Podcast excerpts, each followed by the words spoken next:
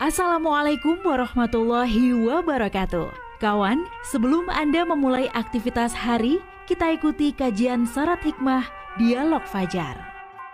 Assalamualaikum warahmatullahi wabarakatuh. Alhamdulillah kawan, pagi hari ini saya Fitriana Ayu senang sekali kembali di program Dialog Fajar. Di studio sudah hadir Ustadz Mim Saiful Hadi dari pesantren Al-Quran Nurul Falah Surabaya.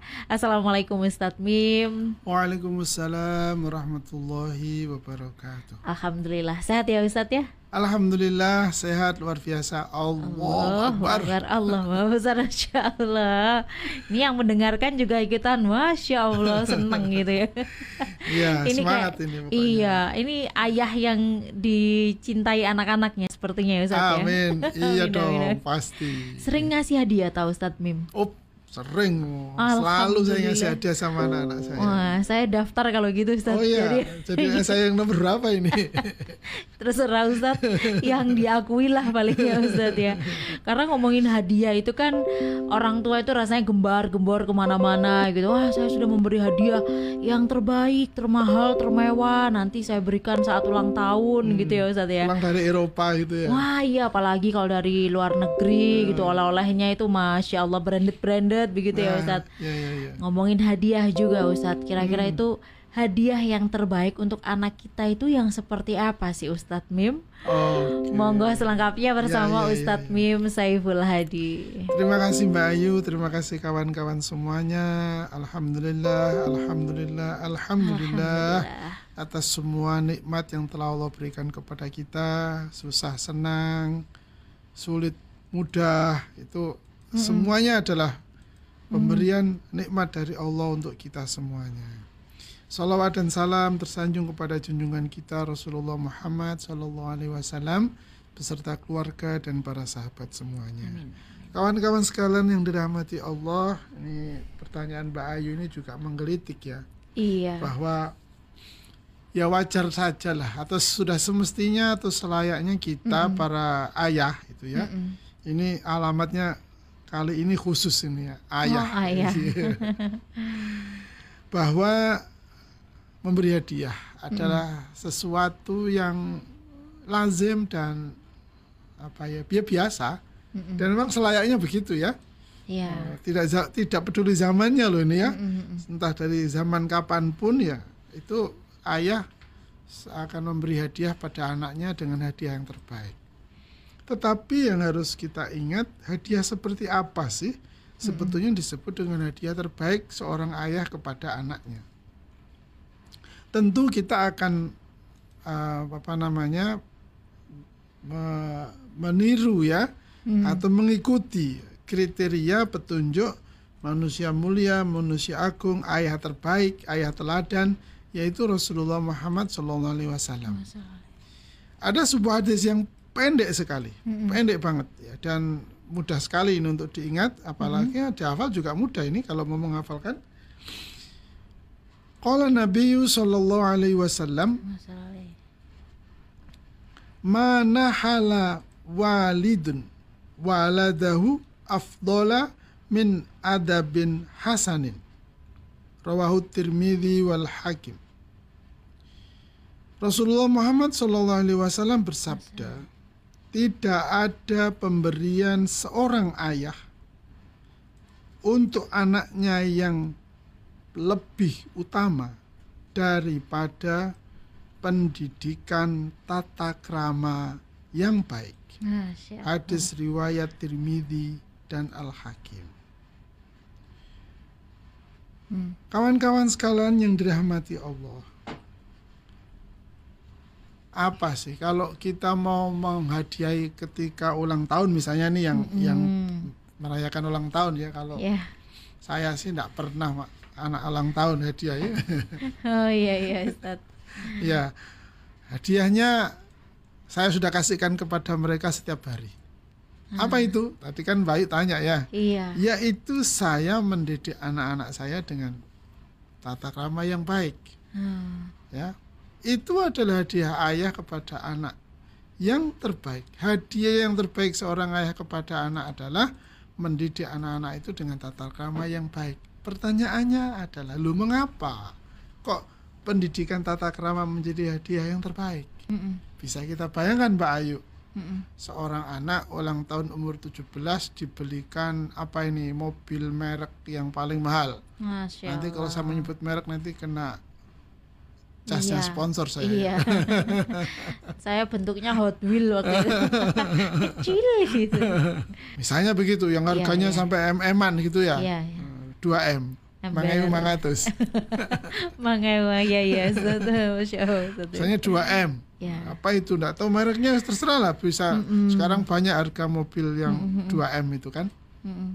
Apakah itu kalau anak itu diberi hadiah mobil yang mahal tetapi ia tidak memiliki tata krama yang baik mm. atau dibelikan moge misalnya Mm-mm. motor gau pede gitu ya.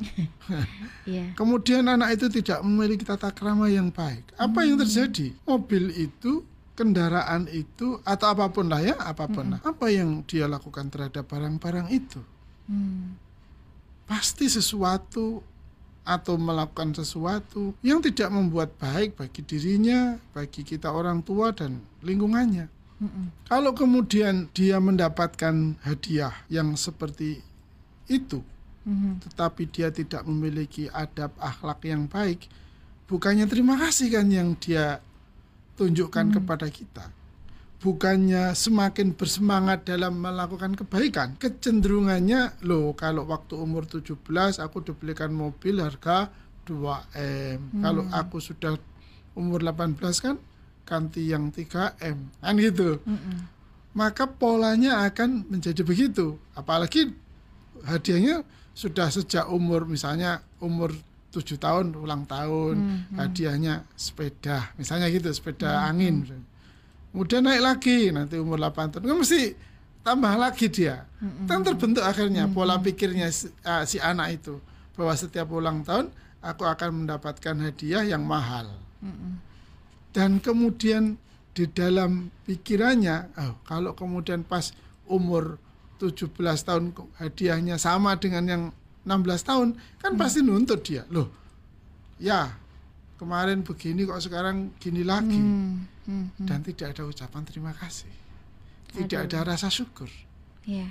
dan menganggap hadiah itu menjadi haknya dia nah itu kan sehingga ini yang kemudian membuat kita orang tua kan jadi lebih berat lagi kenapa karena anak itu merasa bahwa hadiah itu menjadi haknya dia loh kalau aku nggak dikasih hadiah berarti ayah tidak sayang sama aku. Nah, hmm, sudah. Hmm, hmm. Wah, itu bencana itu sudah. Bahwa anak-anak kita menyamakan kasih sayang itu adalah hadiah materi yang diterimakan oleh dia.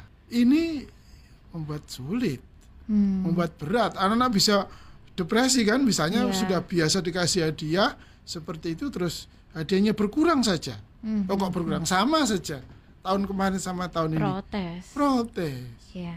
dan protes itu kan terus berlarut-larut nah, ketika berlarut-larut protes itulah kita kan menjadi sumpek itu sebagai orang tua anak nggak tahu terima kasih hmm. baru ngomong begitu ya. padahal keluarnya pikiran kesimpulan pola pikirnya anak hmm. itu dibentuk oleh apa perlakuan kita pendidikan kita kepada anak maka dari itu kembali lagi kalau mereka kita didik tata krama hmm. kan diberi apa saja kan terima kasih ayah, hmm. Hmm. terima kasih ibu, semoga bapak sehat, semoga ayah hmm, sehat, yeah. semoga rezekinya berkah.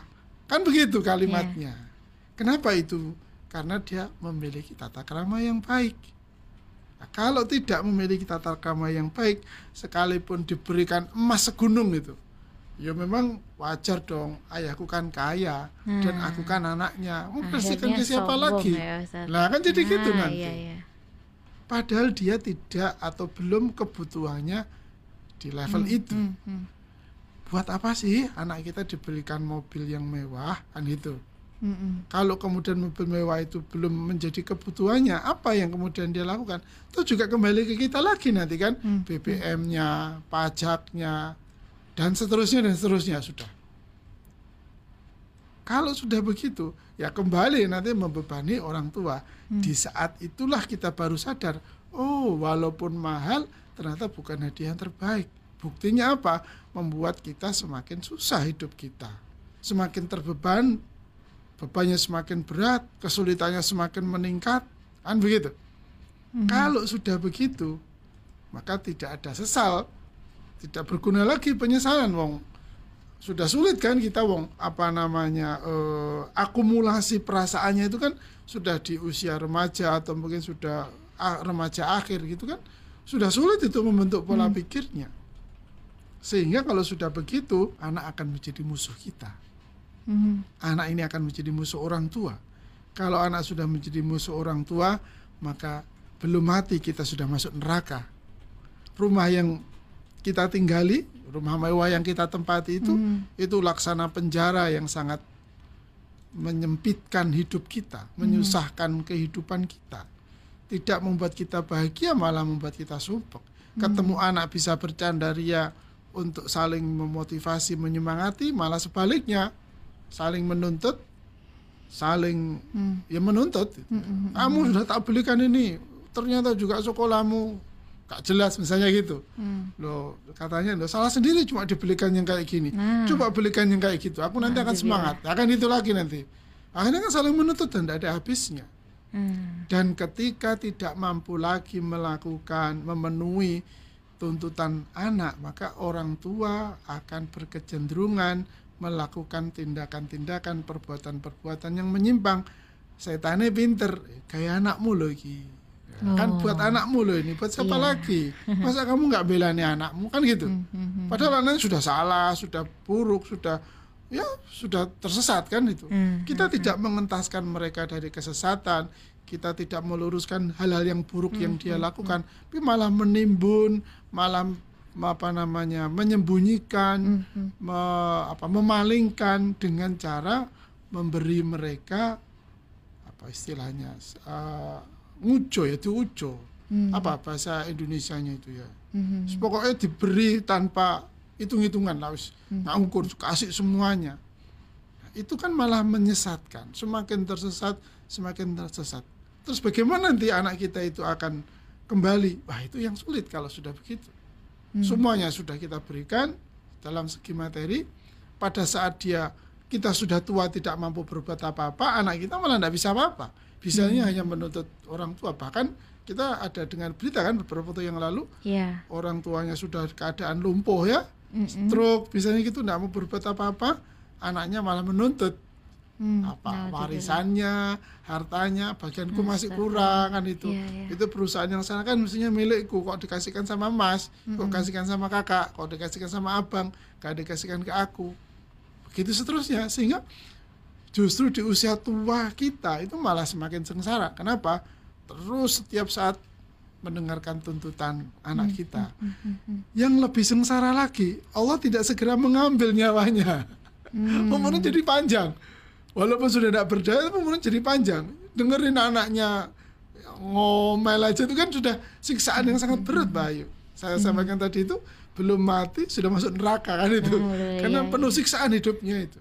Ya. ya kalau dalam bahasa kasarnya kalau gitu ya mending mati saja kan ya, itu. Tapi kan gitu ya, ya kan sudah tidak ada jalan lagi. Seolah-olah hmm. begitu. Kenapa? Karena tabungan hmm. yang kita berikan pada anak kita di awal-awal dulu itu keliru. Hmm. Pemberian kita kepada anak itu keliru. Pemberian terbaik pikirannya barang yang mahal, barang yang branded hmm. dari luar negeri, terus kemudian apa pokoknya bagus berkilat berkilau-kilau misalnya begitu warnanya juga colorful misalnya begitu kalau baju ya fashionable misalnya begitu mm.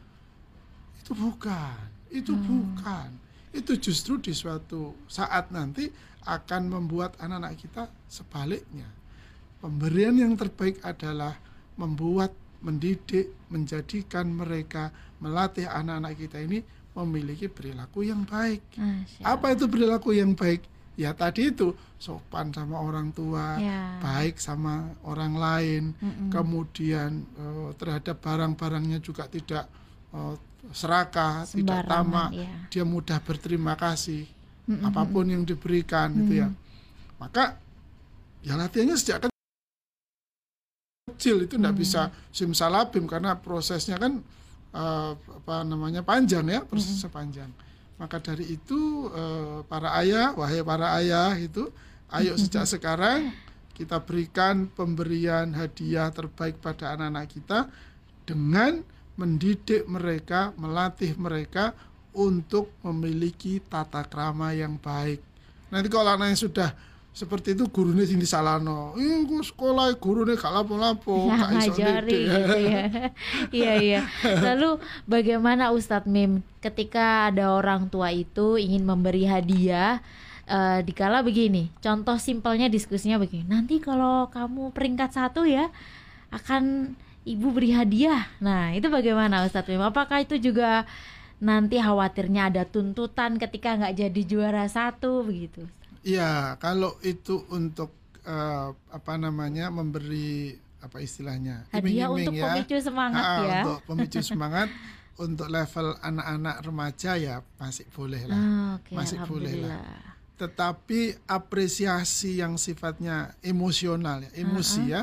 Uh, apa perhatian psikologis ya mm-hmm. atau spiritual itu jauh lebih lebih apa namanya mengena pada anak-anak oh. kita ketimbang hadiah yang sifatnya uh, materi ya. Mm-hmm. Tentu ini yang untuk yang lebih besar ya level SMP SMA itu ya. Mm-hmm. Tapi kalau masih SD ya lebih baik lah materi kan anak-anak masih membutuhkan itu ya. Mm-hmm. Tetapi kalau sudah besar ya, remaja. ya remaja itu uh, apresiasi yang apa yang sifatnya uh, psikologis ya uh, emosi spiritual itu sosial Sangat perhatian ya. tentunya ya. itu mm-hmm. uh, pemberian kepercayaan lebih di, diperkuat mm-hmm. misalnya itu mm-hmm. itu lebih lebih membentuk kepribadiannya mm-hmm. ketimbang ditambahi materi ditambahi lagi gitu itu kesannya tidak akan kuat pada anak-anak kita. Tapi masih bisa diperbaiki ya Ustadz Bim ketika sudah remaja yeah. dari kecilnya udah salah dikasih materi terus, yeah. kemudian remaja ini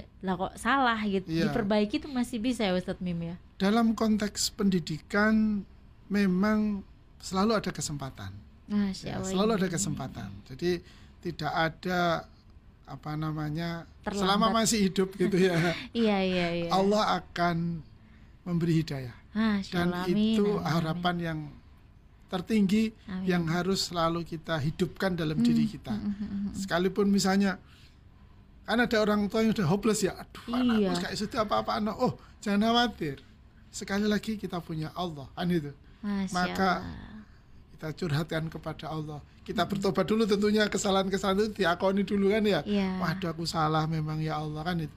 Kemudian kita beri mereka apa namanya ya perbaikan perbaikan hmm. ya tentu ya Allah alam ya Allah yang maha kuasa Allah yang maha mengasihi kan kalau yeah. Allah membukakan hatinya kan bisa saja Siapa kan tahu, iya. apa yang sulit kan itu yeah. kesalahan kita sudah diampuni oleh Allah anak kita uh, bisa berubah dengan hmm, uh, luar biasa ya sekali lagi Allah yang maha pengasih maha penyayang tidak ada kesulitan untuk membolak balikkan hati setiap orang tetapi sebagai ayah maka kita harus bertanggung jawab ini mm-hmm. untuk terus memberikan hadiah-hadiah terbaik pada anak kita mm-hmm. berupa pendidikan akhlak, pendidikan mm-hmm. tata krama, pendidikan budi pekerti, yang terbaik buat anak-anak kita. Masya Allah. Semoga bermanfaat ya. Amin, amin terbaik ya kita pagi hari ini.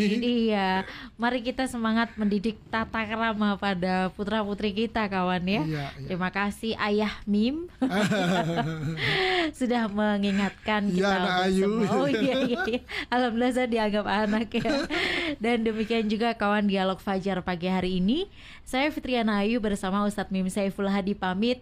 Wassalamualaikum warahmatullahi wabarakatuh wabarakatuh. Waalaikumsalam warahmatullahi wabarakatuh. Program Dialog Fajar yang baru Anda simak kerjasama Suara Surabaya dan Pesantren Al-Quran Nurul Falah Surabaya, lembaga dakwah yang amanah, profesional, dan berbasis Al-Quran Pesantren Nurul Falah mencetak guru-guru Al-Quran dengan metode tilawati dan tafidz Al-Quran. Informasi dan pemberian donasi hubungi 031 828 1278 atau nurulfalah.org. Wassalamualaikum warahmatullahi wabarakatuh.